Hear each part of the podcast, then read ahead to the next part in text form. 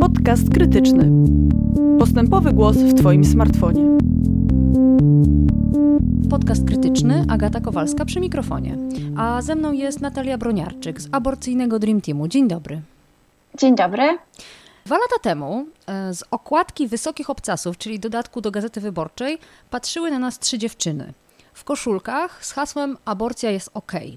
W ten sposób Polska dowiedziała się o powstaniu aborcyjnego Dream Teamu i była dzika awantura. Wysokie obcasy zresztą później dla równowagi zamieściły wywiad i okładkę z jakąś nacjonalistką.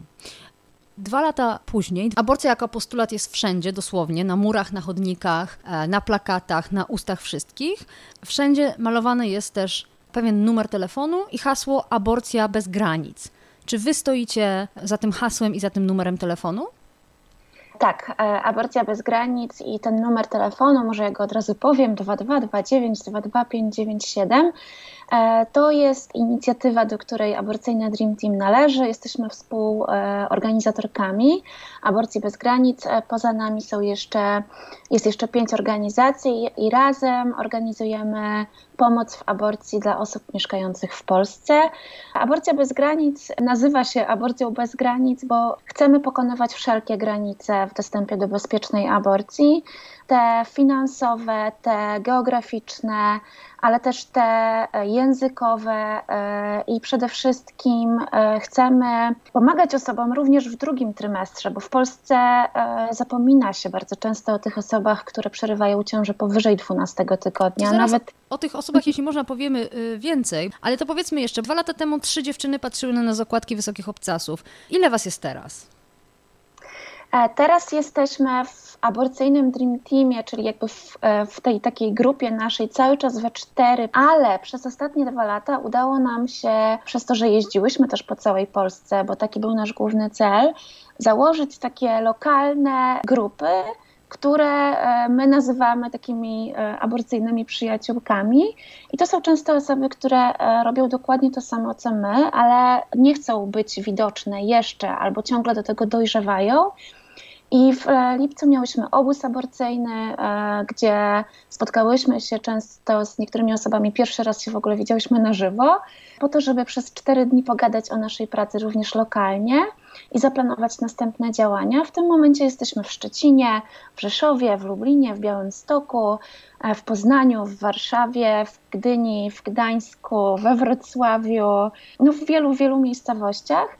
E, I tak naprawdę nie przetrwałybyśmy też teraz tego momentu, w którym jesteśmy bardzo zajęte, bez właśnie tych osób, które odpowiadają na nasze wiadomości, odbierają nasze telefony, e, które robią z nami e, całe nasze social media. My byśmy we cztery tego nie dźwignęły. Ale e... powiedziała Pani, że zorganizowałyście obóz aborcyjny. Wyobrażam sobie, jak, że jak ta informacja pojawi się powszechniej, to zostaniecie zaatakowane, że robicie jakieś zjazdy, na których przeprowadzacie nielegalne aborcje. Bo słowo aborcja wywołuje bardzo konkretne konotacje i mimo tych protestów, które są teraz, wciąż bardzo głęboko jest stabilizowane i y, kojarzy się wyłącznie z czy to z zabójstwem, czy to z przemocą, czy to z krwawym zabiegiem, a na pewno nie z czymś, wokół czego organizuje się wakacyjne e, zjazdy. A ja bym właśnie nie była już tego tak pewna, mhm. że, że rzeczywiście jest tak bardzo e, silne skojarzenie negatywne. Mam wrażenie, że od tego e, lutego 2018 roku, czyli od wspomnianej okładki, zadziała się duża zmiana społeczna. Ja widzę te zmiany. Cztery lata temu na czarnych protestach e, wyszłyśmy w złe, wkurzone, ale jednak broniąc w większości e, tego zgniłego kompromisu, postulaty były mniej odważne. Potem była okładka, a teraz mamy nawoływanie i to naprawdę w całej Polsce do udzielania informacji, do pomagania sobie w aborcjach, do dzielenia się numerem. Nasz numer jest wszędzie, naprawdę. To jest najczęściej chyba podawany numer telefonu w Polsce dziewczyny zrobiły się odważne. Jeszcze trzy lata temu bały się zapytać o to, czy mogą powiedzieć komuś, kto szuka informacji o nas, naprawdę się upewniały, pisały do nas i mówiły, czy ja, jak mam przyjaciółkę, która być może będzie w niechcianej ciąży, mogę jej w ogóle o was powiedzieć? A czego się A bały? Bały się odpowiedzialności karnej, mhm. ponieważ e, funkcjonowało i pewnie cały czas w niektórych kręgach ciągle funkcjonuje takie przekonanie, że o aborcji nie możemy mówić, że to pomocnictwo jest bardzo szerokie, a nam się cały czas udaje przekonywać, że pomocnictwo tak naprawdę, jak przyjrzymy się też wyrokom i przyjrzymy się tej rzeczywistości aborcyjnej w Polsce, to jest znacznie mniej. Bo ja pamiętam e, z, z ostatnich lat taki wyrok na matkę dziewczyny, która była w niechcianej ciąży i ta matka zamówiła pigułki korespondencyjnie i jakby to ona je zamówiła, więc tu wkroczył prokurator, że to było owo pomocnictwo. Ale szczerze mówiąc nie pamiętam innych takich e, wyroków, na pewno nie pamiętam wyroków na lekarzy. Jak to rozumieć, skoro mamy bardzo ostrą nawet i bez tego wyroku na kobiety, którego dokonał pseudo-trybunał, to mieliśmy bardzo ostre przepisy antyaborcyjne, a tych rzeczywiście tych spraw karnych nie było albo były tak ciche, że nawet do nas nie dotarły.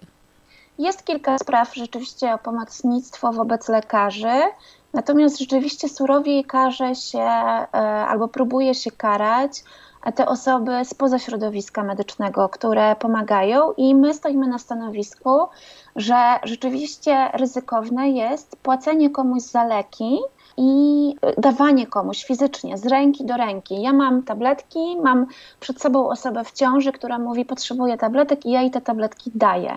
Dlatego bardzo polecamy, żeby korzystać z tych serwisów, które wysyłają tabletki do krajów, właśnie Women Help Women, ponieważ to nam gwarantuje bezpieczeństwo. Po pierwsze, dlatego, że te e, organizacje typu Women Help Women bardzo chronią nasze dane osobowe i wtedy nie ma takiej siły, żeby policja miała dostęp do tego, kto nam za te tabletki zapłacił. Druga rzecz jest taka, te tabletki przychodzą do nas do domu, do naszej skrzynki pocztowej, są dyskretnie zapakowane, nie ma tam żadnych naklejek, które sugerują, że jest to jakaś niestandardowa przesyłka.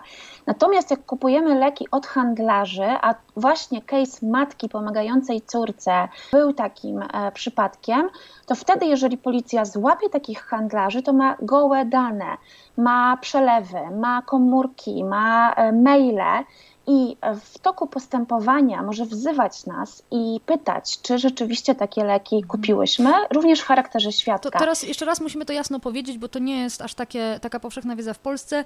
Kobieta, która jest w niechcianej ciąży, sama w sobie nie będzie przestępczynią. Kobiety same nie są ścigane i karane. Absolutnie. Przerwanie własnej ciąży nie jest karalne, nie ma ryzyka odpowiedzialności karnej. Trzymanie kogoś za rękę w trakcie aborcji według aktualnego orzecznictwa nie jest karane.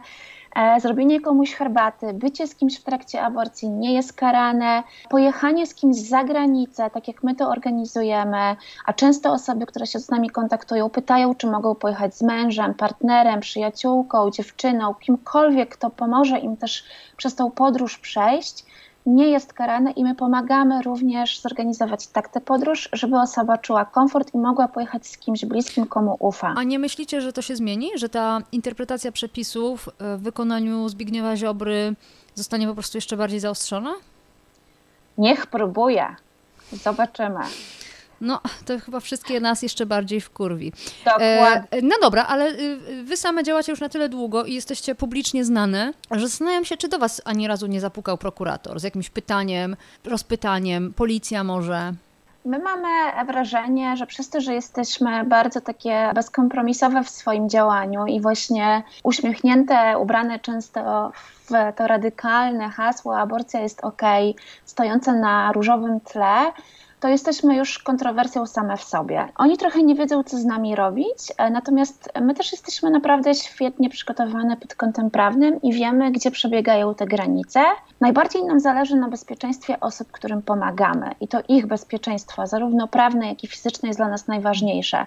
Dla nas nasze bezpieczeństwo schodzi na drugi plan, ale e, nie jest do końca tak, że nie interesują się nami władze, tylko robią to jakoś tak, nieudolnie, że tylko dostajemy sygnał, że rzeczywiście trochę nie wiedzą, co z nami zrobić. Ostatnio zostałyśmy wezwane na przesłuchanie na policję, konkretnie ja byłam, to było trzy tygodnie temu i ja nie mogę zdradzać co prawda postępowania śledztwa, bo ono się pewnie cały czas toczy, ale to było tak absurdalne, że nawet funkcjonariuszka, która mnie przepisywała, trzymała się za głowę, mówiąc, że czegoś takiego to jeszcze nie było, że trzeba przesłuchiwać osoby, które naprawdę nie ma żadnego, żadnej podstawy, żeby postawić zarzuty za to, co robimy. Przez to, że mamy tą sieć i możemy korzystać też z tej solidarności międzynarodowej, czyli z, z tego, że jesteśmy razem z ciocią Basią czy z Aną, właśnie organizacją, która pomaga w Holandii, to choćby nie wiem, co oni robili i choćby nie wiem, jak chcieli, to Polska jest w Polsce, a nie wszędzie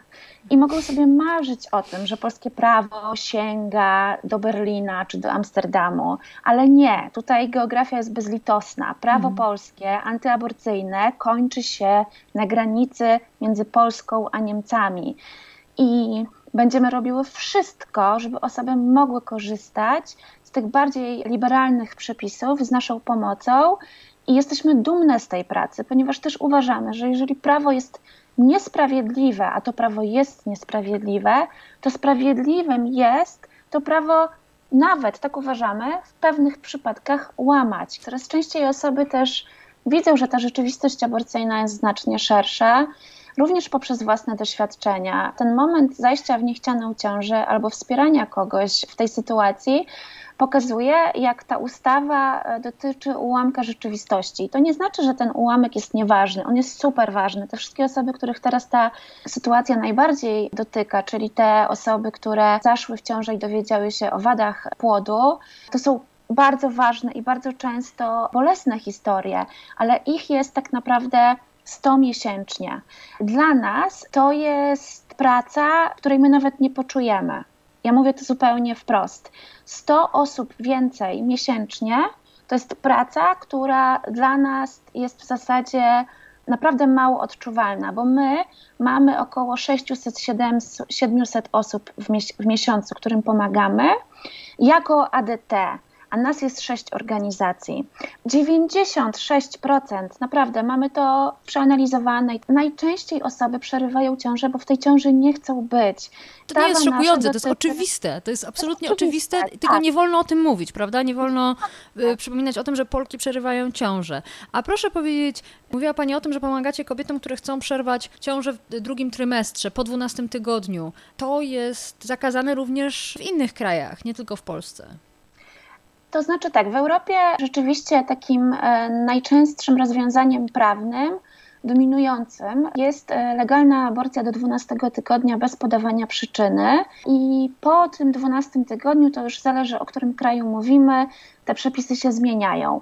My współpracujemy z organizacjami, które pracują w e, Niemczech, w Holandii e, i w Anglii.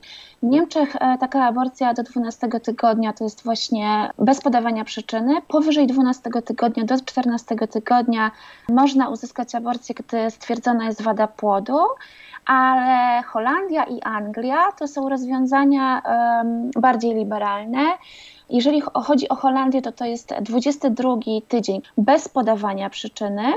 Po 22 tygodniu, w przypadku stwierdzenia wady płodu, można znaleźć lekarza, który ciągle taką aborcję zrobi, ale dobrze jest mieć dokumenty już e, uzyskane w Polsce, stwierdzające, że są jakieś choroby e, czy wady embryopatologiczne. Mhm.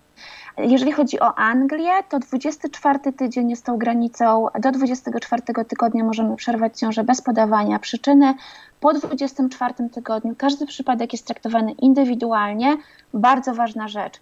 Prawo w Anglii jest bardzo podobne do prawa polskiego, ale lekarze i lekarki biorą pod uwagę przesłankę zdrowia psychicznego, czyli w Polsce również mamy zapis, który mówi, że osoba w niechcianej ciąży powinna móc ją przerwać, jeżeli ciąża stanowi dla jej e, zdrowia zagrożenie. Lekarze i lekarki w Anglii zdrowie psychiczne, czyli mówienie o tym, że ta ciąża sprawia, że ja mam myśli depresyjne, że się boję, jest rozpatrowana jako pełnoprawny powód do przerwania ciąży. Więc to też wszystko zależy od interpretowania przepisów. Oczywiście, a w Polsce y, zagrożenie zdrowia i życia jest interpretowane tak wąsko, że Alicja Tysiąc nie mogła przerwać ciąży mimo y, ryzyka, właściwie no, pewności y, utraty wzroku. Mieliśmy też inne, jeszcze bardziej drastyczne przypadki. Ja bym a... powiedziała gorzej nawet. Mhm. My mamy przypadki kobiet, które leżą od 14 tygodnia ciąży w śpiączkach farmakologicznych. W Łodzi był taki przypadek. Kobieta została potrącona przez samochód w 14 tygodniu, trafiła do szpitala i w zasadzie jej rodzice zdecydowali o tym, że ona ma być podtrzymywana do czasu, aż płód osiągnie zdolność do życia poza organizmem tej kobiety, żeby móc sprowokować poród. I ona jest cały czas nieprzytomna. I o tym się nie mówi. ja nie, ma, ja nie odmawiam tej kobiecie prawa do decyzji, bo ja nie wiem, co ona sądzi i sądziłaby na ten temat. Ale zastanówmy się też nad tym, gdzie przebiega ta granica uporczywego ratowania życia płodu i czy przypadkiem nie są odmawiane też takiej osobie możliwości skuteczniejszego leczenia ze względu właśnie na rozwijający no, się płód. Przecież y, podobnie odmawia się badań prenatalnych, sugerując kobietom, że y, w ten sposób mogą zagrozić swojej ciąży, nawet jeśli one tych badań y, chcą. Ale na co będą te pieniądze? Bo tak jak pani powiedziała, nie możecie ich wydać na kupowanie komuś pigułek poronnych, a czy możecie je wydać na podróże dla y, pacjentek? E, my też ciągle to analizujemy, dlatego że wiemy, że to jest też bardzo duża suma i na pewno e, będzie duże zainteresowanie tak. wokół tego, na co te pieniądze zostaną wydane. Dlatego nasze prawniczki zastanawiają się też nad tym, jak sprawić, żeby te pieniądze były e, dla nas dostępne i żebyśmy mogły z nich jak najbardziej efektywnie skorzystać. Bo ja rozumiem, że wyście się nie spodziewały takiej kwoty. Miałyście nie. plan, żeby wydać ją na akcję informacyjną, na kolejne ja podróże po Polsce? Ja wpisałam 30 tysięcy w tej zrzutce, bo ja byłam pewna, że my będziemy je przez miesiąc zbierać. Teraz się śmieję sama z siebie, bo trochę chyba taka jakaś, nie wiem, jakiś taki lęk o to, że ludzie ciągle się boją płacić e, na coś, co jest związanego z aborcją, ciągle jednak we mnie jest. Mm. Natomiast jeżeli chodzi o wydanie tych pieniędzy, nie jestem w stanie teraz odpowiedzieć tak zupełnie precyzyjnie. Na pewno chcemy wesprzeć lokalne kolektywy, z którymi pracujemy, bo chcemy, żeby ta sieć naszych przyjaciółek w aborcji rosła, mogła być niezależna i żeby jak najwięcej e, działo się też takiej, my to mówimy, propagandy aborcyjnej poza Warszawą. No, więc... a na Podkarpaciu tam żaden szpital nie wykonuje zabiegów ale tam mamy swoje przyjaciółki w aborcji, więc na pewno będziemy e, mhm. też dzielić się tymi pieniędzmi właśnie z tymi grupami. E, na pewno będziemy e, wykorzystywać te pieniądze na wyjeżdżanie do tych miejscowości, również po to, żeby organizować wspólnie jakieś wydarzenia, robić billboardy. Marzy nam się aborcyjna furgonetka, która jeździ po Polsce i zatrzymuje się w małych miejscowościach, do której można przyjść i pogadać o bezpiecznych opcjach przerywania ciąży, czyli taka klinika aborcyjna na kółkach. I myślę, że to się zdarzy. Ale właśnie Natomiast... znowu, to jest znowu ten moment. Klinika czy po prostu punkt informacyjny? Zobaczymy, czekamy na opinię, ale na pewno jeżeli chodzi o podróże, to chcę uspokoić, pieniądze na podróże mamy zabezpieczone. Jesteśmy przygotowane na to, żeby przez najbliższe dwa lata móc wesprzeć wszystkie osoby w organizacji podróży, w zapłaceniu za zabieg, w e, dopłaceniu komuś do zamówienia leków, E, w organizację pobytu w miejscowości, w której, e, w mieście czy w państwie, w którym taka aborcja będzie się odbywać. E, I niezależnie od tego, czy będziemy mogły te pieniądze wydać konkretnie na organizowanie właśnie zabiegów, czy nie, to te pieniądze mamy, ponieważ organizując aborcję bez granic w grudniu 2019 roku, to znaczy ogłaszając tę inicjatywę, spodziewałyśmy się, że w Polsce w końcu może przyjść też zaostrzenie. Być może nie spodziewałyśmy się tego, że to przyjdzie tak szybko, ale wiedziałyśmy, że, że rząd, koalicja rządowa składa się jednak też z tych bardzo ultrakonserwatywnych e, działaczy i polityków, którzy będą chcieli przepychać się wewnątrz koalicji e, o aborcję i po prostu tak. dostaniemy rykoszetem. No tak, bo to, to trzeba było poczekać do czasu po wyborach, a jeszcze koronawirus jak się wydawało chyba Kaczyńskiemu, będzie e, chronił ich przed demonstracjami. No dobrze, ale to jeszcze raz chciałabym to zrozumieć. Czy płacenie kobiecie za wyjazd za granicę, gdzie już ta aborcja jest legalna, jest tym pomocnictwem, które jest karalne, czy nie jest? Nie, nie jest i mamy na to analizy prawne. Jeżeli chodzi o orzecznictwo w Polsce, też nic na to nie wskazuje, żeby płacenie za granicę, za granicą za zabieg było mhm przestępstwem, dlatego że ten zabieg jest legalny. On się odbywa w kraju, w którym aborcja jest legalna i dozwolona. W związku z tym nie możemy popełnić przestępstwa, pomagając w czymś, co nie jest przestępstwem. Ra jasne, rozumiem. Jeszcze ostatnia rzecz. Pojawiły się informacje, że e, odwoływane są zabiegi przerwania ciąży i nawet badania e, prenatalne. Czy to są informacje, które płyną głównie z Waszej infolinii? Jeżeli chodzi o wypisywanie osób ze szpitali, to rzeczywiście w piątek miałyśmy pięć osób, już w piątek, czyli dzień po ogłoszeniu e, tego wyroku, czy jak go tam zwał. Pięć osób zgłosiło się do nas tylko w piątek, e, mówiąc, że miały termin zgłoszenia się do szpitala albo już w tym szpitalu były i zostały poinformowane, że zabieg się nie odbędzie, i te osoby są już w naszej procedurze wyjazdu. Część już z nich jest za granicą albo właśnie szykuje się do wyjazdu. Łącznie w tym momencie mamy 19 takich osób od piątku, e, które zostały poinformowane, że nie mogą skorzystać z aborcji w szpitalu. I tak, oczywiście, możemy się zastanawiać, co z tym zrobić tutaj lokalnie, interweniować w szpitalu. Ja zachęcam prawniczki, żeby to robiły. Zachęcam do tego, żeby, nie wiem, chociażby tak jak zrobiła Wanda Nowicka, interweniować w szpitalach jako posłanka, czy interweniować do władz miasta, sprawdzać, dlaczego tak się dzieje. Ale z punktu widzenia i z perspektywy osoby, która jest w niechcianej ciąży i w zasadzie jutro miała już mieć zabieg, czy za dwa dni, to dla niej najważniejsze jest to, żeby ona tę ciążę rzeczywiście mogła w sposób godny i bezpieczny przerwać.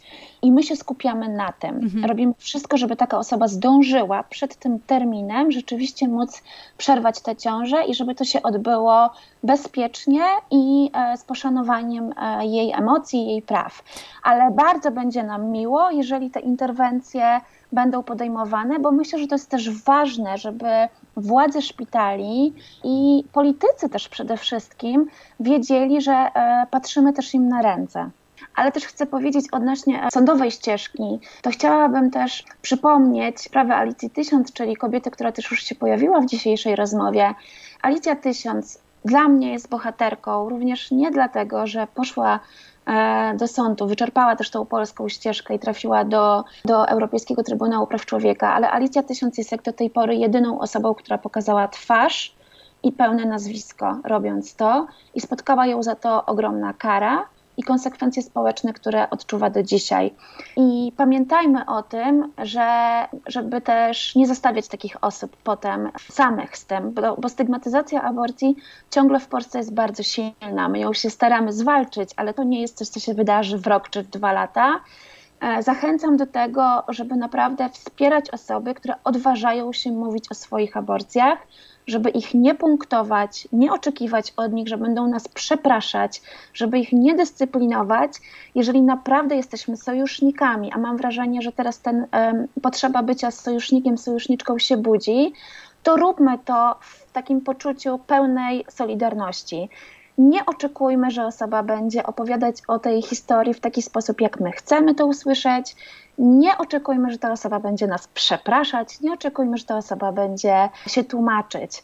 Wspierajmy osoby w opowiadaniu o swoich zabiegach, bo wtedy mamy szansę też na więcej tych bohaterek, które będą chciały pójść do sądu i opowiedzieć o swoich historiach, to jest czas absolutnie bezwarunkowej solidarności. Tutaj musimy być w gotowości, żeby, żeby przyjmować też takie historie i nie odwracać się do tych osób tyłem, co według mnie Alicję Tysiąc niestety parę lat temu spotkało.